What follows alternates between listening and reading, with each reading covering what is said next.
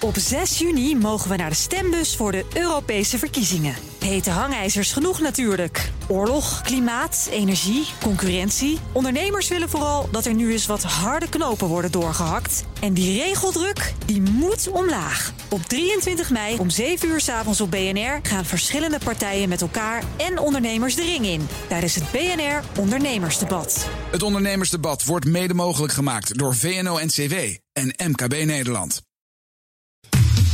Wetenschap vandaag. Een leeg flesje of een blikje heb je natuurlijk zo van de grond geplukt hier op aarde. Maar hoe verwijder je nou enorme brokstukken ruimtepuin die rondzweven in een baan rond de aarde? Nou, de ESA, het European Space Agency, denkt de oplossing te hebben gevonden en wel in een knuffelsatelliet. Carlijn Meinders vertelt er meer over. Ja, ik eh, moet er meteen even bij zeggen: dit zijn uh, mijn eigen woorden. Knuffelsatelliet is niet de officiële naam van deze ruimteschoonmaker. De missie heet officieel Clear Space One. En dat eentje staat er niet zomaar. Het is namelijk de eerste missie waarmee ruimtepuin geruimd gaat worden. Het is heel hard nodig, hè? Ja, ESA heeft er zelf ook onderzoek naar gedaan. In 60 jaar aan ruimteactiviteit zijn er meer dan 5550 lanceringen geweest. Die hebben gezorgd voor ongeveer 42.000 objecten in een baan om de aarde.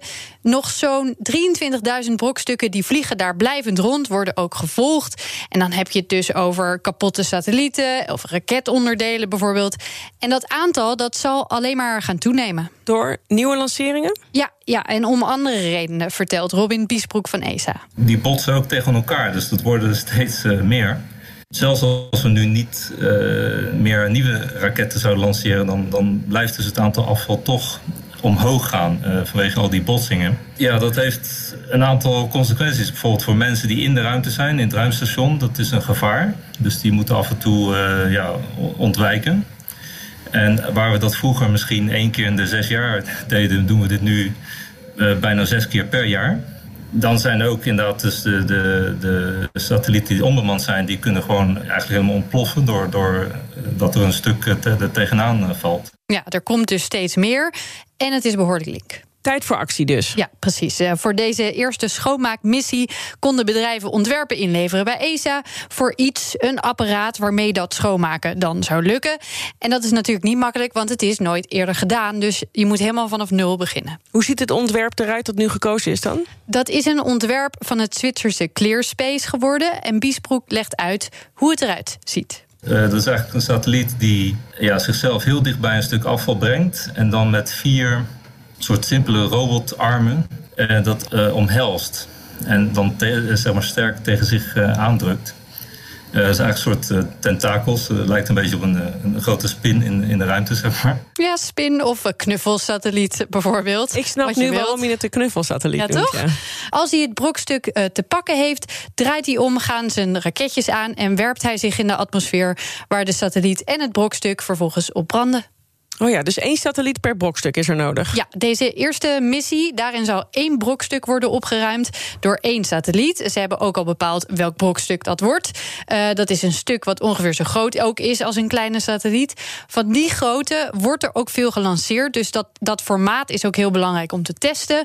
Maar ze hopen in de toekomst uh, het ontwerp uit te breiden, zodat het bijvoorbeeld 20 brokstukken in één missie kan oppakken. Lijkt me wel handig, ja, met zoveel brokstukken. Precies, dan wordt het ook wat voordeliger om zoiets te doen. Uh, maar dat kost heel veel tijd en brandstof, want het zit niet allemaal lekker dicht bij elkaar. Soms zit het in een andere baan. Je moet behoorlijke afstanden afleggen.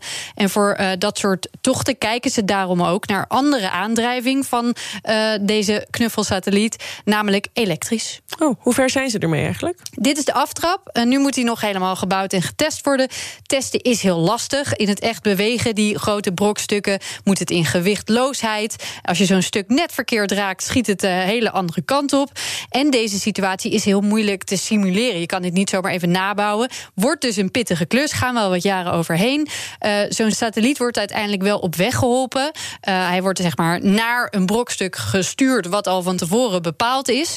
Uh, maar als hij op zo'n 30 kilometer afstand van dat brokstuk is, dan wordt het autonoom. Dan gaat hij zelf manoeuvreren dankzij camera's en sensoren. Dus ook daar zit behoorlijk wat high-tech dat precies goed moet werken. Maar het plan is in ieder geval al mooi en nu nog de rest. Ja, dat zei eh, Carlijn Meiners. Dus ja, het mooie is, ik heb het gesprek iets eerder dan deze uitzending uh, opgenomen. En ik was nog heel erg benieuwd naar, is het nou schadelijk? Uh, om al die boel te verbranden zo in de atmosfeer. Nou, Carlijn heeft net een, een, berichtje gestuurd en die zei... bij de verbranding van de satelliet en het bokstuk komen geen schadelijke stoffen vrij... en is verder niet slecht. Nou, Kijk aan. bij deze. Op 6 juni mogen we naar de stembus voor de Europese verkiezingen. Hete hangijzers genoeg natuurlijk. Oorlog, klimaat, energie, concurrentie. Ondernemers willen vooral dat er nu eens wat harde knopen worden doorgehakt. En die regeldruk, die moet omlaag. Op 23 mei om 7 uur s avonds op BNR gaan verschillende partijen met elkaar en ondernemers de ring in. Tijdens het BNR Ondernemersdebat. Het Ondernemersdebat wordt mede mogelijk gemaakt door VNO-NCW en MKB Nederland.